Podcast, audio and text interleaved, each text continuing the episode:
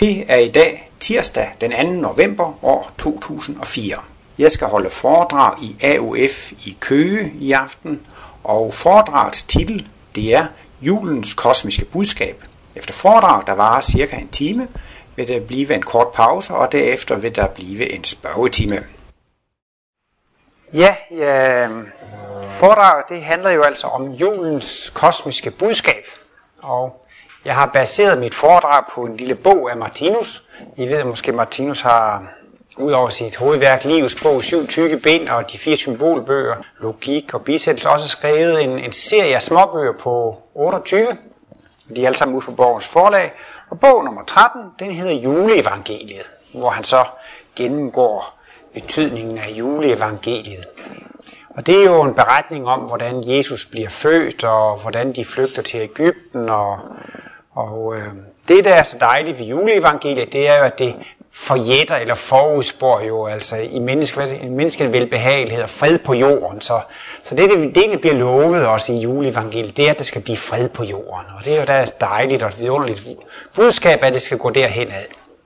Men øh, man kan jo sige, at det, der står om Jesus i Bibelen, det kunne egentlig godt bare betragtes som en historisk beretning. Altså, det er det og det og det og det. Det er sket, og det er en historisk beretning. Martinus siger, at det, det kunne næsten sammenlignes med sådan et arkeologisk fund. Altså, man finder et eller andet fra gamle dage, og det er sådan mere eller mindre materialistisk eller materielt. Ikke? Ligesom man kan sige, jamen, bare det, man refererer til, hvad der historisk er sket, det vil også sådan være lidt materielt. Men øh, der går Martinus altså ind på, at hvis man så virkelig undersøger øh, det her med juleevangeliet, så kan man se, eller så kan Martinus i hvert fald se, at det ikke bare og blot en fysisk beretning, en historisk beretning. Det ligger meget, meget mere i det. Det ligger sådan et helt mysterium, eller en helt visdom i det. Men det, der ligger i det, det er altså, at det er noget, som er relevant for os alle sammen. Det er altså at sige, at det, det er egentlig et symbol på noget, som vi alle sammen skal gå igennem. Og derfor bliver det på en måde meget nærværende fordi det handler altså også om os selv, og det handler om alt, hvad vi egentlig skal gå igennem, og hvordan vi skal nå frem til at blive fredelige væsener og fredsceller. En gang så vil verden være en fredelig og paradisisk verden, og så vil alle mennesker, der lever til den tid, de vil jo være fredsceller i denne fredelige verden. Så det vil også sige, at øh, vi kommer også til at give vores bidrag til denne store fred, ved at vi selv skal omdanne os til at blive fredsceller for ikke så lang tid siden, det var faktisk lige her i Sverige, holdt jeg et foredrag om, om kreativitet og intuition. Og øhm, der vil jeg godt lige referere lidt derfra, og det er det, at Martinus taler om, at nogle gange, så er der altså noget kunst. Det kan jo være, det kan være en roman, eller nogle sange, eller digt, eller maleri, eller musik. Det er noget, nogle gange, så bliver det en klassiker. Det bliver en evergreen. Det er noget, der holder sig. Det er altså noget, der ikke forsvinder. Så kan der være andre døgnfluer. Noget bliver et stort hit, og så forsvinder det. Der kommer en bog, og det bliver makulatur. Og der er det, man kan spørge sig, hvordan kan det være, at der er noget, der ligesom bliver evergreens, altså noget, der holder sig, og noget, der bliver makulatur? Ja, det afhænger altså af, om det, der omtales, det handler om sandheden. Om det handler om noget af livets love og principper. Og hvis det handler om livets love og principper, hvis det præsenterer sandheden, så bliver det altså en evergreen. Martinus har jo et sted defineret kunst som høj intellektualitet inkarneret i fysisk materie. Og med høj intellektualitet, der mener han altså, det er jo sandheden, det er livets lover eller livets lovmæssigheder. Hvis det kan serveres i en roman eller en sang eller en, ja, en ballet eller et maleri eller musik eller en skulptur, så er det virkelig sådan klassisk kunst. Jeg ved ikke, om jeg må Øh, lige igen referere. Jeg tror nok, nok jeg tog op i spørgetimen. Jeg tror nok, jeg tager den en gang til. Øh, og det er den her med Liza Minnelli for eksempel, der synger Life is a cabaret. Og det er også virkelig blevet en evergreen. Hvis man spørger Martinus, hvad, hvad er meningen med livet? Det er egentlig ikke det, vi skal nå noget til en bestemt tid, fordi vi er jo evige væsener. Men det, der er meningen med livet, det er, at vi skal kunne opleve livet. Meningen med det evige liv, det er, at man i al evighed skal kunne opleve noget nyt. Der er ikke noget slutmål, fordi det kan det ikke være, når vi er evige. Vi skal bare kunne opleve noget hele tiden. Det vil simpelthen sige, oplevelse, det er livets mening. Og på den måde kan man så også sige, at livets mening, det er underholdning. Det er simpelthen, altså, det at, det at vi kan få lov til at opleve noget hele tiden, det at vi kan få lov til at opleve noget nyt hele tiden, det er der underholdning. Og så kommer vi faktisk også til, at hvis hele livet går ud på underholdning, så er det jo teater så er det jo en cabaret. Life is a cabaret. Så det er min egen private teori om, at det er sådan blevet en klassiker, som hænger i ørerne. Ikke? Fordi det er i virkeligheden en kosmisk sandhed. Det ligger en meget så dyb sandhed i det, og så holder det sig. Og jeg nævner det bare lige som eksempel, fordi at juleevangeliet, det er jo også virkelig blevet en klassiker, en evergreen. Det er også virkelig noget, der holder sig. Og sådan er det altså med sådanne ting, som virkelig holder sig. Det er altså nogle af livets sande, sande. Jeg tænker også bare lige, det var lige, det er godt nok en parentes, med Robert Louis Stevenson, som har skrevet en bog om Dr. Jekyll og Mr. Hyde. Det er skrevet i 1700-tallet. Tænk, at, at, at man alligevel den dag i dag ved titlen på en bog, der er skrevet i 1700-tallet. Ikke? Altså, men det er også fordi, man, fordi at øh, vi er jo sådan på vej fra dyrerige til det rigtige menneskerige, fra, på vej fra at være egoister til at blive 100% kærlige. Vi er sådan lige midt imellem. Vi er halvt dyr, og vi er halvt menneske. Ikke? Og så kan man sige, at det kan udtrykkes kunstnerisk. Og så har han udtrykt det kunstnerisk i en bog. Ved at skrive en bog om Dr. Jekyll og Mr. Hyde, hvor Dr. Jekyll er et symbol på det kærlige, humane menneske, og Mr. Hyde, det er et symbol på, på det dyriske menneske. Og jeg tror, det er derfor, at den bog stadigvæk kendes af folk, ikke? Egentlig er det jo ikke sådan, så, så det, er altså, det er den her gode læge, Dr. Dr. Jekyll, når han så går ind i sit laboratorium og mixer nogle druer og sådan noget, så finder han til sidst ud, at når han tager sådan en speciel mixtur der, så bliver han et helt monster, et uhyre, og så går han ud og herver i byen, og, og så snakker han hjem igen, så tager han så moddrogen og bliver den gode Dr. Jekyll igen. Det er jo bare en kunstnerisk måde at vise på, at vi har de to sider i os, og så har han så skrevet sådan en, en, en, en roman. Men den holder sig, fordi det ligger en meget dyb sandhed i det. Og det er så, så, det er så vi skal se på, at hvad det er, det, det, det, det ligger i juleevangeliet, som, som Martinus mener. Det gør det til sådan en øh, uh, evergreen. Og det drejer sig jo om, at, uh, at uh, det begynder jo med, at, at, at Jesus han bliver født i stallen. Og uh, som sagt, så ser Martinus det altså som et, uh, hele historien som et symbol på det, vi skal igennem. Og så i stallen, der har vi jo selvfølgelig jo dyrene, der lever der. Så på en måde er det jo et meget fint symbol på dyreriget. Vi er jo altså i gang med en udvikling, hvor vi i dyreriget er 100% egoistiske væsener. Og øh, så er vi jo så altså på vej til at blive 100% altruistiske væsener. Men vores øh, udvikling, kan man på en måde sige, altså går fra det primitive, egoistiske dyrerige, og så kan man så sige, at hele historien om Jesus her, det er altså et, en historie om vores egen udvikling. Ja, nu ved jeg ikke rigtig, hvorfor jeg hopper over i det, men det var også lige, I kender sikkert den her film med Jonathan Livingston, Havmågen. Richard Bach har lavet sådan en film om, om havmågen. Og det er også noget med, at den film, den handler faktisk om et udviklingsforløb. Efter sine så fik ham Richard Bach et kosmisk glimt, da han gik på stranden. Og så så han faktisk i sådan et slags kosmisk glimt et udviklingsforløb. Men det var jeg netop også fra primitivitet til fuldkommenhed. Han fik simpelthen en, en oplevelse af en, sand, en af livets sandheder. Det er netop udvikling. Det er jo det. Al livsoplevelse. Hver gang man har gjort en oplevelse, så har man fået en erfaring, så har man oplevet noget, så har man udviklet sig. Det, det er et meget vigtigt princip i, i livet. Og så kan man sige, hans kunstneriske måde at udtrykke det på, det var ved at lave en film med nogle måger. Jeg synes, det var da fuldstændig åndssvagt. Hvem kan finde på at skrive en bog med en måge som hovedperson? Men øh, det var altså en meget god idé. Og øh, det starter netop, der starter det nemlig med, at mågerne de sidder og slår sig på lossepladsen om de her levninger, der er smidt ud på lossepladsen. Ikke? Og der synes jeg også, det er også ligesom at begynde helt i bunden. Ikke? På en måde svarer det lidt til, at, altså, at, at, at Jesus starter i stallen. Ikke? Altså man starter et dyrerige, hvor det, hvor det stinker og lugter dårligt, og hvor man har altså de her egoistiske og primitive forhold.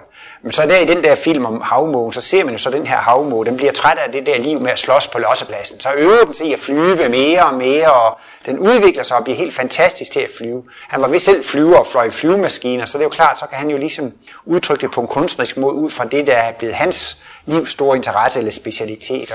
Han viser faktisk også i filmen, hvordan mågen faktisk bliver fuldkommen og bliver et rigtigt menneske. Og ligesom Jesus, så kan den også til sidst materialisere sig og dematerialisere sig. På tankens bud, så kan mågen flytte sig og Så, så på en måde er det også en, ja, man kan næsten sige, at på en måde er det også en historie om juleevangeliet, som faktisk er skitseret i havmågen, fordi det er, det er et, et udviklingsforløb, hvor man sidder og slår sig med de andre på lossepladsen. Altså det er et symbol på det primitive dyrerige, og så takket være, at man arbejder med sig selv, så når man frem til øh, fuldkommenheden. Martinus har også lige sådan en lille parentes omkring kryben. Vi er jo altså levende væsener, vi er altså åndelige væsener, men her i den fysiske verden skal vi jo ligesom have sådan et, et redskab, og så må man jo sådan næsten om så må sige, at tage for, for hånden værende søms princip, så altså det øh, er altså, vi må have en, en, en dyrisk krop eller en dyrisk organisme for at kunne opleve i, i dyreriget, og der mener han så, at kryben, som Jesus barnet bliver lagt i, altså kunne, kunne symbol, symbolisere denne, denne krop. Og øhm, så er det jo altså, at, at dette barn, det er jo klart, at barnet det vokser og udvikler sig, og det gør vi jo så også. Over mange liv, så er vi også under udvikling. Og så kommer der jo også denne historie med Herodes, der hører, at der er født sådan en kongesøn eller drengebarn, som skulle blive en stor konge eller fyrste. Og øh, for at bevare sin egen magt, så beslutter Herodes sig jo så, at alle drengebørn i den by, hvor, hvor Jesus er født, at de skal slås ihjel. Og det er jo også et forfærdeligt slagteri. Og den her bog, som Martinus har skrevet her om juleevangeliet, den bærer måske også sådan en lille lokal præg af, at han har skrevet den lige efter 2. verdenskrig. Og der kan man jo også sige, altså, hvad er det, menneskene gør der, ikke sandt? Det er jo måske også et folk, som øh, starter en krig, fordi at de gerne vil være det stærkeste, og de er bange for, at de andre skal komme til at, til at herske, ikke sandt? Og, men det er som ikke fordi i den bog der, der er Martinus også, kan man sige, lidt kritisk over for dem, der vinder. Fordi det er også nogle gange de, der vinder krigen, ikke sandt? De straffer jo dem, der har tabt. Så er det jo altid taberne, som skal få en kris, krigsret, ikke? Altså det var jo tyskerne, som skulle få en krigsdomstol nede i Nürnberg, ikke sandt? Og det er også altid i gamle, så var det også altid taberne, som skulle betale krigsskadeerstatning. Så det er jo ikke altid, at vinderne alligevel, de kunne, det kunne også være, at de kunne trænge til at komme for en forbryderdomstol, eller, eller de skulle betale noget erstatning, men sådan, sådan, øh, sådan er det jo altså ikke. Og sådan er det jo også i vores materialistiske tider, det, at, at i, i, i egoismens navn eller egoismens tjeneste, så kan man jo godt slå en hel masse ihjel. Vi lever jo faktisk også i dag i den tid, Martinus kalder for dommedag, de sidste tider. Og det er jo en periode, hvor vi er blevet meget materialistiske og meget intelligensbetonede. Og det er så også der, hvor den gamle moral har sluppet, den gamle religiøse moral har sluppet, og vi har ikke fået den, den nye kosmiske moral endnu. Vi lever faktisk i et slags moralske vakuum. Vi kan gøre, hvad der passer os, det er lige meget. Fordi hvis det ikke er nogen Gud, så kan man gøre, så kan man gøre lige, hvad der passer en. Man kan ikke blive straffet. Der er jo ikke nogen, der kan anholde en for det, man gør. Og så er det jo netop også i disse tider, hvor vi kan få de her store verdenskrige, hvor der er millioner af mennesker, der bliver dræbt. Så det kan man sådan set også godt sige. Det er jo et trin i udviklingen, hvor jo også, øh, hvor jo også det med Herodes. Men øh, Jesus han klarede sig jo, og det var jo fordi, at øh, der kom tre vise, eller det var der tre vise mænd, eller tre konger fra Østen, og de havde jo på en eller anden måde fået profeteret, at der skulle fødes sådan en kongesøn. Og så var der noget med, at der blev tændt en stjerne, så de kunne se, hvor der var. Og så fandt de jo så frem til der, hvor, hvor Jesus var født. Og så kom de hen og gav ham store gaver. Og de fik jo så guld, røgelse og myrra. Og øh, Martinus ser, det, at det kan man godt tage som et symbol på, altså at, øh, at de får, altså rent konkret, så fik Josef og Maria, de fik jo så altså nogle gaver, som jo så satte dem i stand til at flygte, og flygte til Ægypten. Så, så de flygtede jo med Jesus, så han blev ikke slået ihjel af Herodes. Men altså takket være det guld, altså de gaver, de fik, så, så, så, så fik de jo så råd til at rejse, og, og råd til at flygte til Ægypten. Uden det, så havde de så ikke øh, fået, fået muligheden for at flygte fra, om så må sige, fra denne øh, dræbende verden, altså Herodes ville jo slå dem ihjel, så på en måde, siger Martinus, det er et symbol på, at man skal vil flygte fra det dræbende dyrerige. Altså dyrerige, det er jo der, det dræbende princip hersker. Og øh, så kan vi jo sige, at i vores udvikling, så flygter vi jo på en måde også fra dyreriget. Nu kalder vi det ikke flygte, men altså, vi fjerner os hele tiden fra dyreriget. Vi fjerner os fra det dræbende princip og går altså fremad imod øh, humanitet og kærlighed. Og så taler han jo også om, at der er jo tre vise mænd fra Østerland. Og øh, det sammenligner han så også med de tre store verdensreligioner. For øh, hvis vi ligesom skal fjerne os fra dyreriet, så har vi også brug for lidt hjælp. Så har vi faktisk også brug for en gave. Man kan også sige, at når der bliver født en verdensgenløser, som for eksempel Jesus, eller Mohammed, eller Buddha, eller Moses, eller, så er det faktisk jo altså en ældre bror i udvikling, som bliver født ind på jorden for at hjælpe frem. Så på en måde er det jo, er det jo også en ren gave, at der kommer en Buddha eller en Jesus, ikke sandt, som, som, som kan hjælpe folk frem i udviklingen de er selvfølgelig forskellige, øh, islam og buddhisme og kristendom, men man kan sige, at det er altså humane religioner. Det er religioner, som inspirerer folk til at øh, praktisere kærlighed og humanitet. Så på den måde kan man så sige, jamen altså de tre øh, verdensreligioner, de den gave, som menneskene får i kraft af de store verdensreligioner, hjælper en til at fjerne sig fra det dræbende og egoistiske dyreri frem mod en kærlig verden. Ligesom gaverne fra de tre vise mænd fra Østerland hjalp dem til at flygte fra Herodes for at hjælpe dem til at flygte ud af den, den dræbende zone. Og lige så vel så som altså Kristusbarnet, der vokser og bliver større og større, så vokser vi jo også i udviklingen. Og øh, et tema, som Martinus tager, tager meget fat på i den her bog, det er faktisk øh, den øh, seksuelle udvikling. Og øh, hans udgangspunkt, det er jo, at han også tager fat på det her med, at øh, Jomfru Maria var undfanget ved Helligånden. Så Martinus synes, det er da egentlig sådan et mærkeligt opfattelse. Altså man mener faktisk på en måde, at, øh, at Josef var altså ikke faren, men altså Maria, hun har altså haft et eller andet seksuelt samkvem med Gud. Gud har haft seksuelt samkvem med Maria, og det har så altså givet sig udslag i, at hun har fået en søn der, det hed Jesus. Og øh, Martinus argumenterer lidt på forskellige vis. Øh, det allerførste øh, kapitel i det nye øh, testamente, jeg kan ikke engang huske, om det er med Markus eller Matthæus, eller hvad det er, men jeg ved bare, det er det allerførste, i det allerførste kapitel i det nye testamente, der bliver hele Josefs stamtavle gennemgået. Og det er noget med, at Josef i 20 slægtled nedstammer fra Abraham. Og så står der, så fik den, den søn og afled, den søn og afled, den søn. Og til sidst, så kommer man altså frem til Josef. Så kan man også spørge sig overhovedet, hvorfor, hvorfor har man i det nye testamente taget Josefs stamtavle med? Den er jo fuldstændig irrelevant, hvis ikke han var far til, til, til, til Jesus. Øh, men Martinus mener, det kan selvfølgelig være lidt rigtigt i det, at, at Maria blev overskygget af den hellige ånd. Martinus øh, forklarer jo, at her i dyreriet er vi jo øh, adskilt i to separate køn, hankøn og hundkøn, og øh, det, det fuldkommende, det er faktisk altså, at man er topolet, at man er dobbeltpolet. Så på en måde er vi egentlig nogle ynkelige stakler her i dyreriet. Vi er, vi er kun halve væsner. Vi er altså på en måde halvkønsvæsner. Det vil sige, at vi er altså, vi er ikke øh, vi er ikke rigtig suveræne eller selvkørende, altså vi, vi, vi er afhængige af det modsatte køn.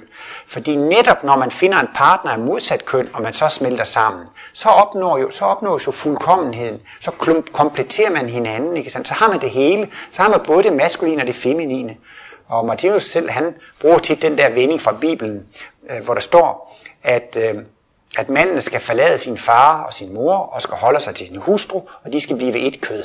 Og det er jo faktisk så også i, i, i hele det seksuelle liv og seksuallagten, ikke sandt? Altså der, der, smelter man, der smelter man sammen. Og der siger Martinus så, at det største lys, der findes i dyreriet, det er den seksuelle vellyst fornemmelse. Fordi i dyreriet, der er der jo altså kamp og konkurrence. Man kan nogle gange være i en familie eller en flok og have lidt indbyrdes fred, men det er også bare for at beskytte sig mod, mod andre ydre trusler. Så der skal jo ligesom være en inspiration eller et lys i dyreriet, for at man overhovedet orker at leve i dette dyrerige. Og det er altså forelskelsen. Det er den instinktive forelskelse og seksualitet. Det er det største lys i dyreriet. Ikke? Og det er jo også det, det giver menneskene det største lys. Og I ved jo også godt, at det er jo mennesker, de er villige til at gå igennem ild og vand og gå for ære og stand og penge og alt muligt for at være sammen med deres elskede. Der findes så mange historier om, at man er, man er villig til at gøre det mest tosset, at synge kærlighedssange i telefonen, selvom man ikke kan synge, eller hvad det nu skal være. Men, øh, og vi ser jo også, at jeg bruger de her eksempler med, hvis man ikke får den, man elsker, så kan man selvmord, så er livet simpelthen ikke værd at leve. Det viser da også at virkelig, at det, det er så dybe kræfter, det ligger i seksualiteten, eller forelskelsen. Og det kan også være omvendt, hvis man ikke kan få den, man elsker, fordi den anden står i vejen, så slår, vi, så slår man simpelthen vedkommende ihjel. Altså det viser, at det er nogle enormt stærke kræfter, når man, når man går så vidt. Og Martinus siger, jamen det er den hellige ånd, man oplever i denne forelskelse og denne, denne seksuelle vellyst fornemmelse, det seksuelle behag osv. Det er den mest realistiske oplevelse, man kan få af Guds ånd i kød og blod. Det er den mest realistiske oplevelse, man kan få af den hellige ånd i kød og blod. Men han taler altså om, at det er altså på en måde kosmisk bevidsthed, eller Guds bevidsthed, Guds ånd, den hellige ånd. Det er faktisk det, man oplever i den seksuelle vellystfornemmelse. Men det er ikke nogen intellektuel oplevelse. Det er altså en instinktiv oplevelse. Så, det, så han siger altså, at i dyreriet kan man godt have en Guds oplevelse, men den er altså instinktiv. Det er en instinktiv gudsoplevelse. Det er en automatisk gudsoplevelse, eller det er en ubevidst gudsoplevelse.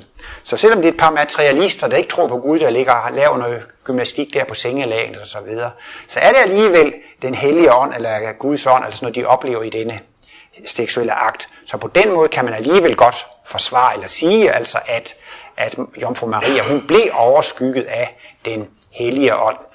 Men det er jo i forbindelse med vores seksuelle liv og vores seksuelle forvandling forbundet så meget smerte og lidelse, ofte i hvert fald med det seksuelle samliv, fordi at øh, vores sympatievner vokser, og den vokser altså ud over partneren. Vi kan også begynde at have sympati for andre, have sympati for flere, og det giver sig altså tit udslag i øh, utroskab.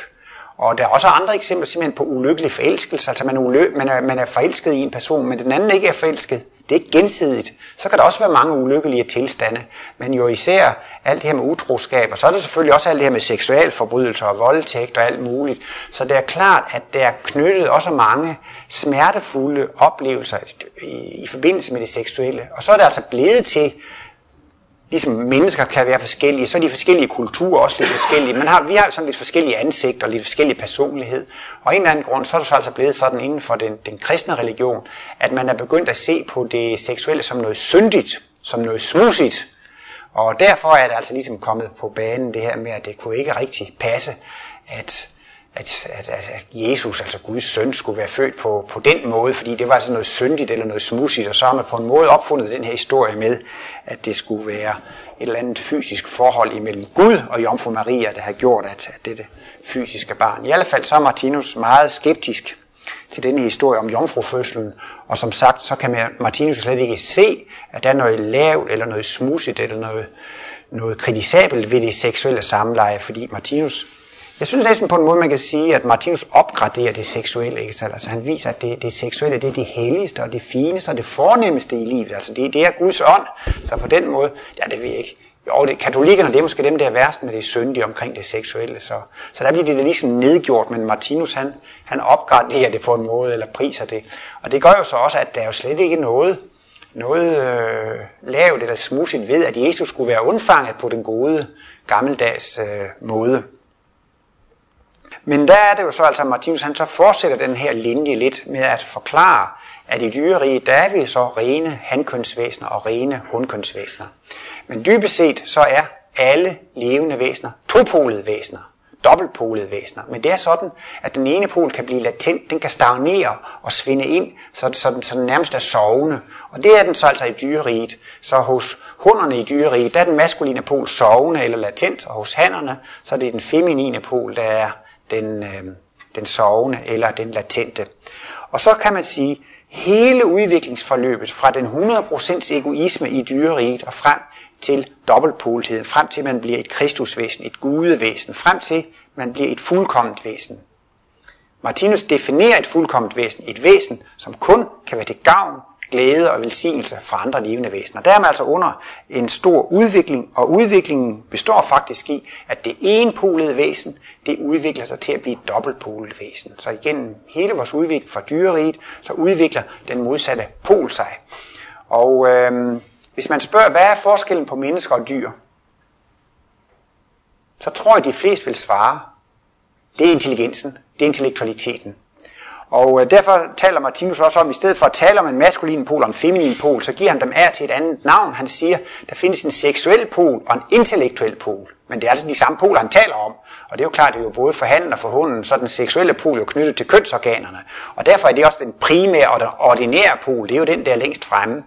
Men takket være vores intelligens og vores intellektualitet gradvist begynder at vokse frem, så begynder der altså en intellektuel pol at vokse frem. Og det er så altså den øh, modsatte pol, der vokser frem. Martinus skitserer jo også, hvordan, øh, hvordan øh, man efterhånden bliver dobbeltpol, og han taler om, at det ligefrem skulle komme sådan nogle nærmest psykiske nervetråde, som vokser op nede fra kønsorganerne, og det er også ligesom nogle psykiske nervetråde, der vokser ned fra, fra hjernen, så, så på en eller anden måde, så længere ude, så, så, så, så bliver der simpelthen kontakt imellem den seksuelle pol og den intellektuelle pol. Og så bliver man altså dobbeltpolet, og så bliver man også hjernebevidst i begge poler. Og det er også en stor overraskelse for mange mennesker, at de så begynder at opdage, at de ikke bare har ét køn, men de har altså faktisk begge køn i sig, ikke sandt? Man kan sige, at kvinden får den op, overraskelse, herre Gud, der bor en mand i mig, eller manden får den overraskelse, der er noget feminint i mig, ikke sandt? Altså på et tidspunkt, så får man altså begge kvaliteter. Man kan sige, at man, man øh, får det bedste for manden og det bedste for kvinden. Og Martinus selv gør jo gældende, at, at selvom han var født i en mands krop, så siger han, at han var dobbeltpolet. Altså rent psykisk set siger han, at han havde hele registret. Fra det mest følsomme, blide, man kan forestille sig ved en kvinde, til det mest øh, faste, beslutsomme, viljestærke, maskuline. Han havde altså hele registret, vi skal altså alle sammen nå frem til at, at få hele dette register. Så udviklingen består altså i, at vi udvikler denne intellektuelle pol eller den modsatte pol. Og i alle begynderstadierne er man slet ikke bevidste i den nye pols seksuelle side. Vi mennesker, der er her i Danmark, vi er meget langt fremme i poludviklingen. Jeg ved ikke, man kan godt sige, at vi er halvandet polet, en, eller en trekvart polet, eller hvad, det er nu altså mine ord, men, men, det, men, men folk er ikke bevidste i det. Det vil sige, at den nye pols seksuelle udtryk er ikke noget frem til dagsbevidstheden. Vi er ikke hjernebevidste i det. Det er i hvert fald det normale. Så er, så er mænd ikke hjerne- eller dagsbevidste i, de har noget feminint i sig. Og kvinder er heller ikke hjernebevidste eller dagsbevidste i, de har noget maskulint i sig. Der er sikkert mange af jer, der har set den her film med Dustin Hoffman, som hedder Tutsi. Det var en film, hvor han øh, var en arbejdsløs mandlig skuespiller, der ikke kunne få arbejde. Så forklædte han sig som en kvinde, og så fik han arbejde. Og det vil sige, at under indspilningen af filmen, der skulle han jo spille kvinde hver dag i flere måneder. Og da så filmen var over, så sagde han altså, at det har været en meget sælsom oplevelse for ham. Han følte, at han havde en kvinde i sig. Han følte, der var noget feminint i ham. Og det kan man så sige, så er det jo næsten også en kunstig måde. Ved at han får sådan en rolle og bliver tvunget ind i sådan en filmrolle, så er det sådan næsten på en måde kunstigt tvunget frem eller presset frem, ikke? Altså, han blev, men altså, han sagde selv, at han blev bevidst i det. Han kunne godt mærke, at han havde noget feminint i sig. Så det var også sådan, synes jeg, en lille ting, der på en måde, synes jeg, i hvert fald for mig, så bekræftede det det der med, at, at vi har det altså i os, men normalt, så kan vi ikke opleve, det kommer ikke frem. Og den nye pol, den vokser frem i takt med humanitet og kærlighed. Det vil altså sige, de mennesker, som har mest medfølelse, de mest humane og kærlige mennesker, det er dem, der er længst fremme i udviklingen. Så altså de mest humane mennesker, det er dem, der er nærmest dobbeltpoletheden. Jo længere den intellektuelle pol, den modsatte pol, vokser frem, jo mere human og kærlig er man. Og øh, Martinus øh, forklarer jo så også, altså, at, at Jesus var dobbeltpolet. Det var ikke sådan, at Jesus han var en skørtejæger, eller at Jesus han øh, foretrak kvinder frem for mænd. Det kan man slet ikke sige. Altså, det, man kan også dårligt forestille sig, at Jesus var gift og har børn. Nej, jeg kan ikke komme ud og prædike i dag, fordi jeg skal lige hjem og passe børnene. Eller, jeg ved ikke rigtigt. Jeg synes, det er meget svært ligesom at forestille sig en fru Jesus, eller, eller han var en børnefamilie, eller sådan. Han, han, han, var, han var fri og suveræn, og det, han havde ikke brug for det, fordi han havde begge poler i sig. Han var altså dobbeltpolet. Den bevidsthedskraft, der det drivende i dyreriget, det er jo selvopholdelsesdriften. I dyreriet der er der ingen øh, socialhjælp, der er ikke nogen sygehus og hospital osv. Det eneste, der gælder i dyreriet, det er at sørge for sig selv og klare sig selv. Og et godt og et dydigt dyr, et dyr, et mønsterdyr, et dyr, der opfører sig som det skal, det skal altså være egoistisk og sørge for sig selv. Og derfor handler man altså meget ud fra selvopholdelsesdriften. Man gør det for selv at opleve, overleve. Det er også lidt interessant at høre. Jeg ved ikke, der, han blev da rigtig lidt kendt. Det var en dansker, som overlevede den her Estonia-ulykke. Og øh, han gik helt i panik, da skibet var ved at gå ned. Og jeg ved ikke, om I kan forestille jer selv, hvis I var i den situation, ikke sandt? at man skal op ad en trappe for at redde sig. Ikke sandt? Så er der en anden på trappen, ikke? Så er man simpelthen så vild for at redde sig selv, at man skubber den anden til side, ikke? Og han havde det jo så dårligt bagefter, fordi han havde gjort noget i den retning. Ikke? Så altså nogle gange så har han skubbet nogle andre til side for at redde sig selv. Og da man så bliver reddet, ikke? så kan man godt begynde at tænke på, gav vide, om jeg har været årsag til, at der var nogle af de andre, som, som druknede. Han fik jo nogle svære samvittighedskvaler. Ikke? Og det er jo netop fordi, at vi er jo kommet til sådan en trin, at vi ikke længere bare kører på selvopholdelsesdriften, men netop til hans store overraskelse, kan man så sige, sådan en katastrofesituation, så kom instinkterne på. Det er næsten også ligesom at køre på automatpiloten, ikke sandt? Så kom jo virkelig selvopholdelsesdriften op. Og det er så det, man kan se på, hvad folk de gør, at det gradvist i udviklingen skifter fra, at man kun gør ting for selv at overleve, til at man begynder at gøre ting, som hjælper og gavner andre. Der er mange mennesker i dag, Selvom de ikke tror på Gud, og selvom de ikke går i kirke, så er de meget humane og kærlige. De vil da gerne hjælpe, hvis det er katastrofer og ulykker i et andet land. De vil gerne gå ind i skolearbejde, eller børnearbejde, sportsarbejde, socialarbejde og politik. Altså der, der er mange mennesker, de bruger da deres tid på at hjælpe andre og gå ind. Man kan også sige, altså overhovedet det, der kommer røde kors og den slags ting, det er jo ikke noget, man er nødt til at gøre, vel? Det, øh, I virkeligheden kan man også sige, når man begynder at få lovgivning og statsmagt, så er det noget, der sker for at beskytte de svage.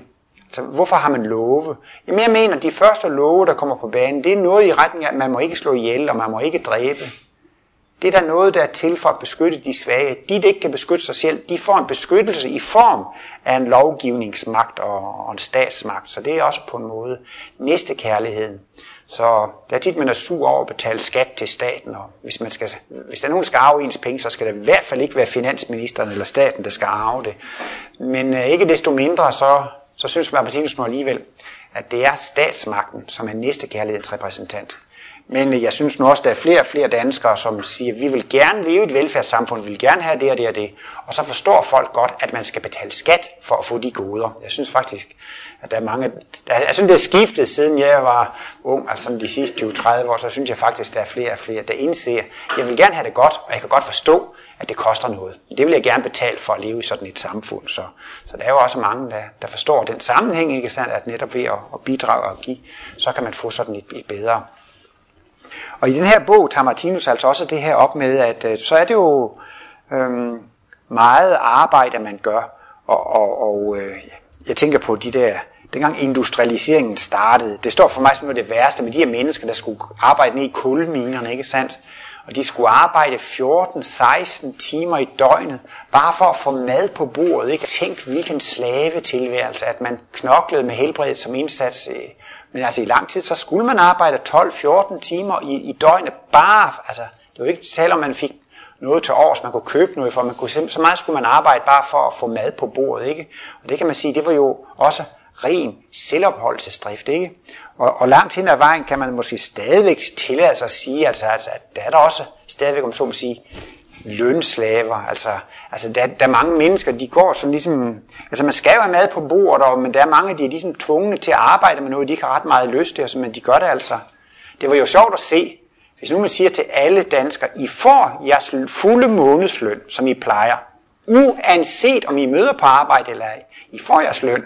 Jamen selvom hvor meget eller hvor lidt I vil komme på arbejde, men I får den samme løn i alle fald. Jeg tror, altså der var mange, de ville ikke møde op nær så meget, som de gjorde før, hvis de fik deres løn alligevel. Hvilket bare skal prøve, altså, eller vil prøve at demonstrere, altså at det er jo ikke altid, at folk går på arbejde, fordi de synes, det er interessant og spændende og inspirerende og sjovt, er simpelthen fordi, at det er en leg, det er en hobby, de er simpelthen så glade for deres arbejde. Så meget arbejde i dag gør man jo alligevel, fordi at man er nødt til at få mad på bordet. Men efterhånden som den intellektuelle pol vokser frem, så begynder det netop noget nyt. Og det er jo det her med øh, kreativiteten. Så kan man lave noget og skabe noget. Man kan få lov at arbejde i sin hobby og sin interesse, og det giver en glæde. I, i de her to yderpoler taler Martinus også om, på den ene side findes der altså øh, væsener, som lever i øh, forældreglæden, altså hvis nu tager meget enpolede væsener, og ikke særlig intellektuelle væsener, så er det vigtigste familielivet, ikke? Og så er det klart, så investerer man sin kraft og sin tid i børnene, og det skal gå børnene godt. Og hvis det går børnene godt, så er man glad og godt tilfreds. Og øh, det er klart, at den største glæde, sådan forældre kan opleve, det er, at det går godt med børnene. De lever i forældreglæden.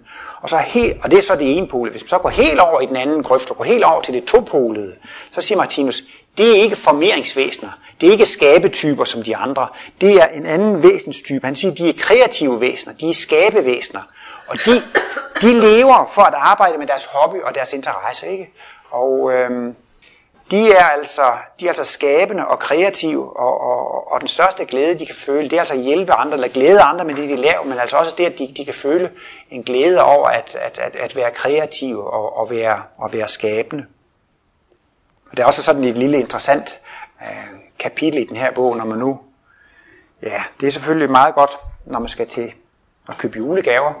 Jo, det siger Martinus jo et andet sted. I virkeligheden er det jo kærligt, at der er nogen, der knokler og arbejder for at lave julegaver. Fordi på en måde er det da alligevel kærligt, at der er et stort udvalg af gaver, sådan at man kan gå hen og købe en gave, som man kan glæde andre mennesker med. Det er da en stor hjælp. Det er da, det er da egentlig lidt luksus, at der er nogen, der går så umage med at lave et kæmpe udvalg af gaver, så man lige kan plukke den gave ud, som, som passer til de mennesker, man har tænkt på. Men han sammenligner alligevel de produkter, som står på hylderne i stormagasinet, og så dem, der er på kunstmuseet. Altså man kan sige, der står altså nogle produkter på, på hylderne der i varehuset, og så er der så også nogle produkter der på museet. Og øh, der er det så som regel, man må sige, altså de masseproducerede varer, som står i varehusene, de er som regel produceret af mennesker, som har været nødt til at lave dem, for ellers så kunne de ikke overleve. Så meget af de, af de produkter er sådan set baseret på, på selvopholdelsesdriften, fordi de, de er tvunget til at, at, at gå ind i den her industri for at lave de der ting. Så det er ligesom på en måde jo altså noget, folk har gjort for at overleve. Men altså, helt negativt er det jo ikke. Det er udmærket, at der er nogen, der vil sørge for, at, at der er nogle gaver, vi kan vælge imellem. Så det er, jo, det er jo pænt af dem. Men hvis man så går til kunstmuseet, så hænger der også nogle malerier der. Men øh, de, der har skabt de ting, de har meget ofte, i alle fald hvis man sådan går til den klassiske kunst og, og ser på de klassiske malerier, og hvis vi går til de klassiske komponister og forfattere osv., de har så at sige alle levet i den yderste fattigdom.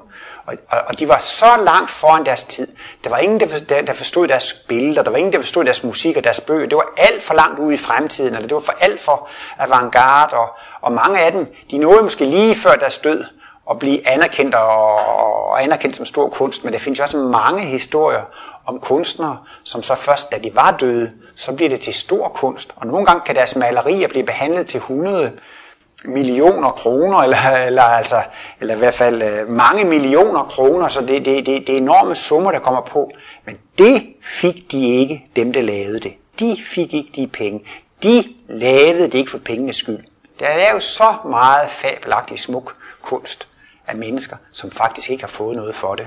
Altså de har faktisk måtte leve i afsavn og kulde og sult og så videre. Hvorfor har de så gjort det?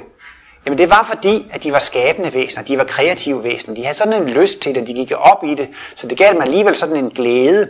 Og i virkeligheden må man sige, at kunstens væsen, det er at glæde andre.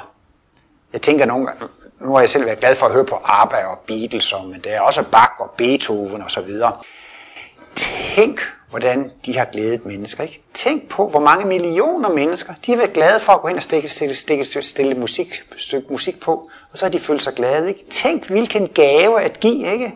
Altså, det, jeg synes da, hvis nu man bare ser sådan Beatles for eksempel, ikke, så kom de der, og de havde så deres storhedstiden 10-15 år, ikke, så tænker jeg nogle gange, tænk, tænk hvilken gave de fik afleveret. Ikke? Der er så mange mennesker, der har glædet sig over det. Og så synes jeg også, at hvis man ser på de store malere, det er egentlig også fantastisk med, med, med, med, med reproduktionsteknikken og så videre, at der er mange folk, de synes, jamen jeg har det fint i min, min, i min lejlighed. Jeg er glad for, at jeg kan hænge nogle fine billeder op på min væg og så videre. Ikke? Tænk også, altså, mange af de malere sådan noget, der har lavet noget, ikke også? De har også kunnet glæde tusindvis af mennesker, fordi man kunne sætte, sætte deres billeder op på, på, på væggen, ikke sandt? Det kan da også godt være, at der er nogle forfatter, som har skrevet nogle, nogle øh, triste romaner og så videre. Men det kan jo være, at de har sat fingeren på nogle fejl ved samfundsforhold, når man skal forstå, sådan skal man ikke behandle mennesker og så videre. Så selvom det har været en meget slip øh, handling i en roman eller sådan noget, så kan det jo også godt være en enorm gave, fordi at det har fået alle menneskers øjne op for, at det var fuldstændig uretfærdigt, som man behandlede det barn, eller det var helt uretfærdigt, som man behandlede det menneske osv. Så, så der findes jo mange forskellige måder i kunsten, hvordan man, man kan hjælpe på. Men dybest set må man sige, altså al kunst i, i, i sin væsens kerne, det er faktisk noget, der er lavet til gavn og glæde for andre. Så det er altså faktisk virkelig en gave, man giver, når man er kreativ. Og så har det også, der kan man i alle fald sige, at den løn, man får for at være kreativ, det er jo, at man får lov til at leve i glæden over at kunne glæde andre og være noget for andre. Martinus betoner jo også i den grad, at vejen til lykken, det er ikke at jage og jagte sin egen lykke. Vejen til lykken, det er at gøre andre lykkelige. Det er det, det drejer sig om. Fordi så vil man automatisk selv blive lykkelig. Det kender I måske også, hvis I har hjulpet en god ven, og den kommer så bag og siger, tak skal du have. Det var jo nok pænt af dig, at du hjalp mig. Det betød meget for mig, at jeg lige fik den håndtrækning. Så bliver vi jo selv lykkelige, når andre bliver lykkelige ved det, vi har gjort. Så det er jo vejen fremad, det der med, at man vil tjene og øh, give andre. Så lige så vel som Jesus altså, da han var voksen, øh, var et dobbeltpolet væsen, ikke sandt? Og øh, han har jo været en, en ledestjerne og inspirationskilde for millioner og er der millioner af mennesker. Århundrede efter århundrede. Det er jo egentlig utroligt, sådan en inspiration mennesker har fået i 2000 år, ikke sandt? Hver dag er der millioner og millioner af mennesker, som har fået inspiration af det, han gjorde ved den mission, han havde. Det var vist næsten kun tre år, hvor han var aktiv, og det kulminerede jo med, med korsfæstelse. Så det var også en utrolig gave, han, øh, han gav. Og Jesus var jo altså som sagt øh, dobbeltpolet, og det viser altså også på vej til at blive øh, dobbeltpolede væsener. Så øh, som sagt, historien om Jesus, der bliver født og bliver et voksen dobbeltpolet væsen, det er altså også historien om hele vores øh, egen udvikling. Og øh, en ting mere, Martinus netop kommer ind på det, det er jo det i forbindelse med det kristne og, og næste kærlighedsbudet og det hele. Det er jo, at det, det drejer sig om, det er, at man skal lære at elske sin næste. Det er jo det store bud, man skal elske Gud overalt og sin næste som sig selv. Vi skal altså være kærlige, og vi skal lære at elske alle levende væsener. Men det er bare det ved det, at det kan man ikke, med den kønsstruktur, man har, fordi vi er enpolede væsener. Og det gør altså, at man øh, foretrækker det modsatte køn. Altså når man er enpolet, så ens sympatiske side reagerer altså på det modsatte køn. Og det synes jeg, det er da helt i orden, at man synes bedre om det ene køn end det andet. Det gør der vel ikke noget. Jeg plejer så altid at bruge det der eksempel.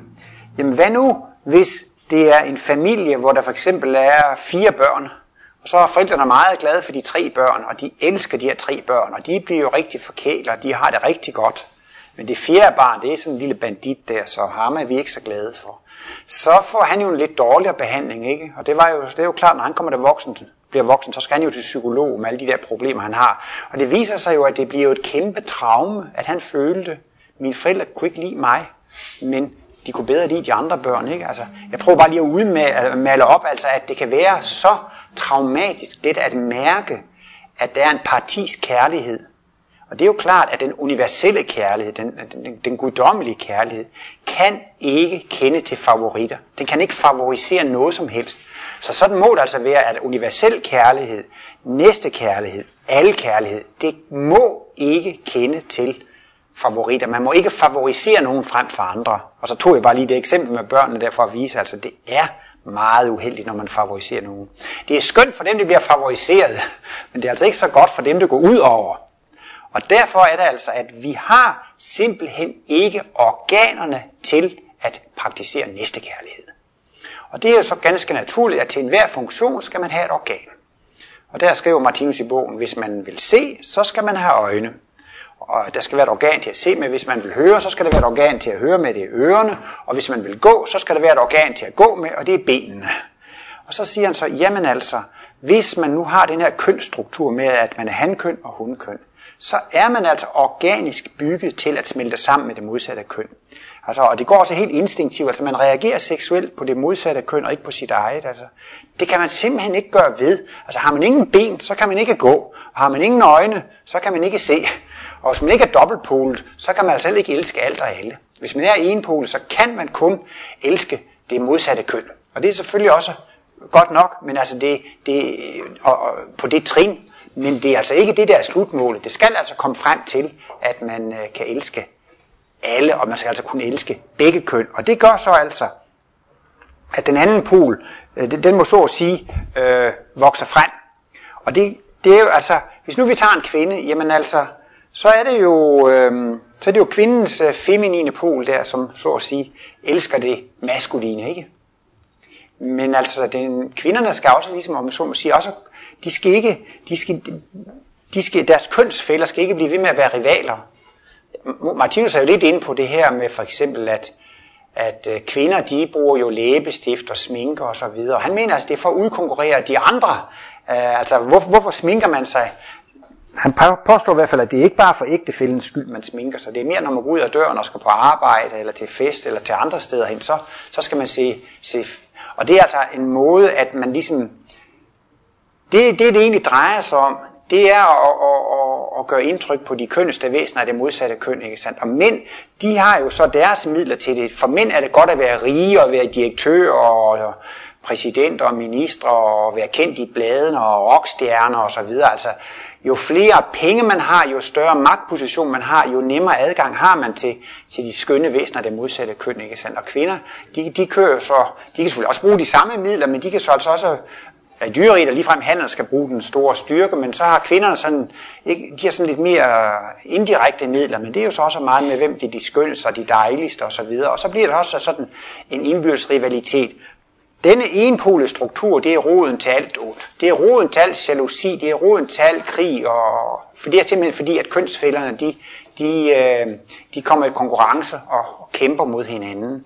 Så altså, denne varige fred, som der bliver profeteret om i juleevangeliet, den kan vi altså ikke nå som enpolede væsener. Vi er ikke fremme ved målet som enpolede væsener. Altså for at kunne komme til at opleve den varige fred, som der tales om, så må vi altså udvikle os til at blive dobbeltpolede væsener. Og så, som jeg sagde før, det er altså i kvinden, der er det jo altså hendes feminine pol, der elsker det maskuline. Men kvinden skal udvikle sin maskuline pol. Og det gør jo så, at når kvinden udvikler sin maskuline pol, så bliver den maskuline pol jo, som jo også hos man den maskuline pol, er jo interesseret i det feminine. Og på den måde gør det så faktisk, at når kvinderne gradvist udvikler deres maskuline pol, så bliver de mere veninder, end de har været før, og mindre rivaler, end de har været før. Så det vil altså sige, at i dag kan man godt træffe kvinder, som siger, ja, min mand forstår mig altså ikke, men mine veninder, de forstår mig meget bedre. Og det er altså noget nyt i verdenshistorien faktisk, og det skyldes deres maskuline pol. Og sådan kan det altså også være med mænd, og der, der kan opstå store og stærke venskaber blandt mænd. Og jeg ved ikke, jeg tror også, det er det, man ser på sportsbanerne og sådan noget, når mænd de omfavner hinanden. Det er da så umandigt og jeg ved ikke, hvad man skulle kalde det. Sådan noget gjorde man i hvert fald ikke i gamle dage. Men når man alligevel gør det, så tror jeg, der så jo ikke sådan mænd, der omfavnede hinanden og kyssede og klappede hinanden omtrent. Der, men det er så også fordi, at, at manden er ved at udvikle sin, sin feminine pol. Og så er man altså ved at få den der organiske struktur, som gør, at man kan elske begge køn. Og der taler Martinus om, at der opstår en ny form for, for, for seksualitet, og det er det, han kalder menneskeseksualitet. Og det har ikke noget med, med, med samlejeseksualitet at gøre, eller paringsseksualitet. Den, den nye seksualitet er kendetegnet ved kærtegn. Altså folk vil jo da gerne have, hvad skal man sige, have massage eller blive berørt. Jeg tror, de fleste vil synes, det er helt absurd, hvis forældre siger, at nu vil vi opdrage vores børn uden at røre dem. Det er da sundt for børn at blive berørt, ikke? Det er da også sundt for mennesker at blive berørt. Altså, der er nogle mennesker, hvis de aldrig nogensinde har fået berøring, og ikke er nogen parforhold eller noget, de kan til sidst sådan blive helt, de kan sådan helt blive overspændt. Martinus taler, at man kan få sådan en seksuel overspænding, og det kan også næsten give sig helt udslag i, at man sådan helt muskelpanser og så videre. Det er da sundt at blive berørt og rørt ved og så videre. Så, så der er nogen, der tror, at jo, mod jo højere åndelig udvikling, så er, det, så er det seksuelle på vej ud. Men det er det ikke. Man kan måske nok sige, at samlejeseksualiteten eller paringsseksualiteten, den er måske ved at være på vej ud. Det kan være, Martinus har sådan et lille regnestykke et sted, hvor han siger, hvis vi nu forestiller os et, et ægtepar, som har øh, et samleje en gang om ugen i 20 år, så kommer de op på 1000 samlejer i løbet af deres liv, og de får måske to børn. Så kan man spørge sig, har de samlejer for at få børn? Nej, det, det tror man jo nok. Der må være en anden ting, der også spiller ind. Og det er simpelthen bare for, det er altså fornøjelsen og nydelsen, ikke? Så mener Martinus, man vil efterhånden forstå, man behøver ikke have samleje, hvis man kun vil have nydelse. Altså i virkeligheden siger det er jo en meget farlig teknik. Det er bare noget, der hører dyrerige til, at, at det er spermier, som skal føres frem til, til æggelederne og så. Altså det, og, og, og, det er jo så meget med abort og prævention, og, og så, så skal man til at tage hormonpræparater og piller og alt sådan noget. Og det, det, der er virkelig ikke nogen særlig gode løsninger på det. Han siger også, hvorfor i alverden skal man bruge sådan en farlig teknik, hvis man ikke vil have børn? Så anbefaler han mere, at man går over til sådan en kærtegnsseksualitet. Og jeg synes også, at man ser meget mere kvinder, der omfavner hinanden og kan røre hinanden, eller det bliver meget mere med, at man kan give hinanden massage og kærtegn osv. Så, videre. så, så, så det er jo altså noget, som er på fremvækst. Men det er ikke sådan, at det er noget, man skal prøve at forcere, Men på et eller andet tidspunkt, så vil, så vil en kvinde komme til at mærke til sin egen store overraskelse, ligesom noget, der kommer indenfra, at hun faktisk godt kan få en seksuel fornemmelse over for en anden kvinde. Altså, det er måske en kollega, de sidder og arbejder sammen på arbejdspladsen. Lige pludselig så føler hun sådan ligesom en, en, en, en seksuel fornemmelse, eller en piring, eller, eller en slags tiltrækning til. Og det er jo så det bedste og det naturlige, når det kan komme på den måde. Og det er meget øh, skadeligt og unaturligt, hvis det kommer på en unaturlig måde. Og for eksempel nu er man jo meget inde på at alt det her pædofili, og for eksempel inden for den katolske kirke osv., der har man jo dæmmet op for det seksuelle, der må præsterne ikke gifte sig, men man kan ikke dæmme op for det seksuelle, ikke? Og det har jo gjort, at mange af de her kor og så videre, så er de blevet forførte og så videre, og det er meget skadeligt for børnene, fordi så, så bliver det nye pol påvirket, altså den lille drengs feminine pol bliver alt for kraftigt påvirket, fordi der er en voksen af samme køn, som giver sig på vedkommende, ikke sandt? Og, og det kan altså give store problemer. Og man kan også sige, at det hele taget siger, at alt hvad der har været af nonnevæsen og munkevæsen, hvor man har dæmmet op for det seksuelle, der er der også meget, der har der også været meget med, med forføring og så videre, altså, altså at man er blevet forført af seksuelt af en øh, af samme køn, ikke? Og det kan også godt have været tale om måske rent af, pengemangel, så kan man også finde på at prostituere sig med sit eget køn, og, og øh, det kan Ja, det kan jo også være krig og fængsel og så videre. Martinus mener også lige frem, det er en forbrydelse af samfundet at spære kønsmodne mænd inde. Og det var jo meget strengt i gamle dage. Så kunne man måske spære dem ind i 30 år, uden de nogensinde fik adgang til det modsatte køn. Han siger, at det i sig selv er jo en kæmpe forbrydelse. Det er simpelthen at nedbryde det menneskes seksuelle struktur. Ikke sandt? Det er jo så grusomt på en eller anden måde. Når de har den her naturlige iboende trang til seksualitet, og så simpelthen bare burer dem indtil de ikke kan få det. Så det er også og derfor, derfor kan der også godt opstå mange forskellige seksuelle perversiteter og afsporinger, på grund af, at man har spærret folk ind i fængsler, og kan måske også opstå i soldaterliv og så videre. Så det er jo bedst, at det så at sige går på denne naturlige måde. Og Martinus siger jo, det er jo ikke noget, man skal, skal være bange for. Altså, så længe man har lyst til at leve i ægteskab, så længe man er glad for det modsatte køn, så skal man endelig blive ved og blive ved. Øh, men på et eller andet tidspunkt, så bliver man også lidt midt af alle de øh, problemer, der er i ægteskaberne med, med utroskab, og, og vi ser jo også, hvordan det bliver flere og flere øh, øh, skilsmisser. Det er lidt sjovt, at øh, på vejen herned til Køge, så læste jeg lidt i Urban om den øh, amerikanske øh, valgkamp. Og øh, der er der nogen, der har brugt nogle skandinaviske forskningsresultater. Jeg tror nok, Martinus han mener altså, at, at Skandinaviens folk, det er sådan de mest humane. Det er der, vi har det største sociale velfærd, og det er der, vi har størst ligestilling mellem kønnen, og og øh, det er også der, man er længst fremme i poludviklingen. Altså det er der, der også er flest kvindelige ministre. Men der er åbenbart noget forskning, der viser, at jo flere homoseksuelle der bliver, jo flere skilsmisser bliver der også. Øh, så derfor går det jo ind i valgkampen, at man må endelig ikke lade vi homoseksuelle, fordi så ødelægger det altså det hele, så bliver, bliver der endnu flere skilsmisser. Men Martinus siger altså, at denne poludvikling kan ikke stoppes. Det er lige så umuligt som derfor også at stoppe stjernernes gang på himlen. Det går simpelthen ikke at stoppe. Så det, men det er meget sjovt at se, at Øh, de forstår jo slet ikke, hvad det er, der foregår. Derfor er det jo også virkelig et stort seksuelt mysterium. De forstår slet ikke. Så man kan næsten også sige, at den der udvikling af Kristusbarnet vejen, altså Kristusvejen, hvis jeg nu sådan, den forstår de egentlig ikke i den amerikanske valgkamp, fordi de tror ligesom, at man skal blive ved med at stå statisk ved det gamle på en måde altså i, i, i dyreriet, men det er altså under opløsning til fordel for noget bedre. Men det er jo tit, når man sejler fra den, man ligger i en tryg havn, og så sejler man ud på et oprørt hav, og så er man jo lidt ked af den situation, og vil gerne tilbage til den gamle havn, men meningen er, at man skal i en ny havn, altså man skal nå frem til noget, noget større og, og, og noget mere. Og øhm, Martinus siger altså, det fører jo frem til til sidst, at, øhm, at de her nerver, tråde, de vokser sammen.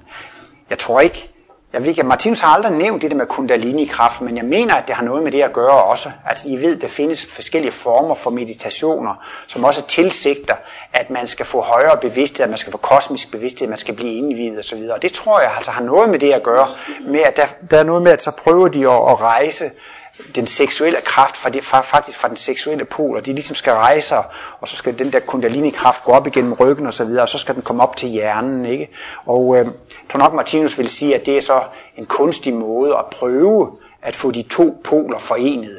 Men altså, der sker altså virkelig noget, når de to poler får kontakt med hinanden, og man bliver dobbeltpolet væsen.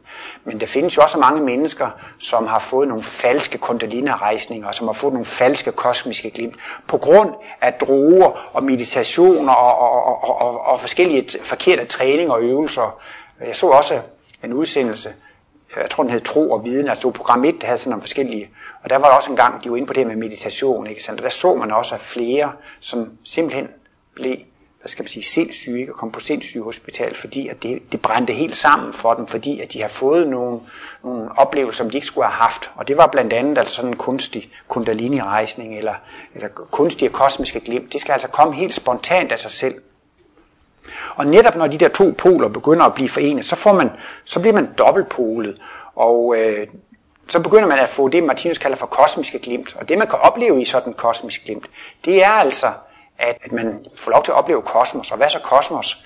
Jamen altså, Martinus har jo et helt nyt gudsbegreb, hvor han forklarer, at verdensaltet er et eneste stort levende væsen. Altså verdensaltet, det er ligesom totalvæsenet. Det er helhedsvæsenet. Og det er hans definition af guddommen. Gud er alt. Så det, det evige, levende, uendelige univers, det er det samme som Gud. Og det er selvfølgelig noget af det centrale når det hedder kosmisk bevidsthed, så er det faktisk også det samme som at sige, at man får Guds bevidsthed. Vi skal mere og mere bort fra i vores religiøse liv at have mellemmænd, at have, at have præster og paver og biskopper og skytsengle osv. Altså, det, det går frem imod, det er, at vi skal have vores eget personlige gudsforhold, som egentlig skal frigøres fra, fra dogmer og traditioner osv. Vi skal faktisk få vores eget universelle gudsforhold. Vi skal mere og mere begynde at opleve, at, at, at, at livet det er Gud. Alt, hvad der eksisterer, det er Gud. Og vi skal ligesom få vores personlige gudsforhold. Og jo mere vi træner os i at se Gud i hverdagen, og jo mere vi træner os i at tale med Gud i vores tanker, jo nærmere kommer vi jo Guds bevidsthed. Og et sted siger Martinus jo meget humoristisk, man skal ikke tro, at man får kosmiske glimt i et raseriudbrud eller i et fredesanfald. Men netop det, det kan udløse sådanne høje åndelige oplevelser, hvor man får lov til at opleve Guds bevidsthed. Det er noget af det, man kan opleve i et kosmisk glimt. Man kan opleve, at hele verdensalt er reageret af kærlighed. Man kan få lov til at opleve, at det man før anså for at være noget ondt og noget mørkt, i virkeligheden er kærlighed i forklædning. Kontraster er nødvendige for, at man kan opleve livet. Og når vi oplever lidelse, så får vi medlidenhed. Når vi har følt smerte, så får vi medfølelse. Og medlidenhed og medfølelse, det er det samme som humanitet og kærlighed. Man kan få lov til at få et helt andet syn på det. Man kan få lov til at opleve, at man er evig og udødelig. Så det vil altså sige, at alt frygt for døden, alt frygt for det onde osv., det kan fuldstændig forsvinde som duk for solen, når man får lov til at, at, at, at opleve sådan ting. Så det bliver det mest fantastiske og utrolige, at man får lov til at blive et med Gud og opleve Guds bevidsthed. Og selvopholdelsesdriften, den bliver afløst af noget, han næsten kalder for afståelsesbegær. Afståelsesbegær. Altså man begynder simpelthen at få et begær efter at afstå ting. Man får et begær efter at hjælpe og tjene andre.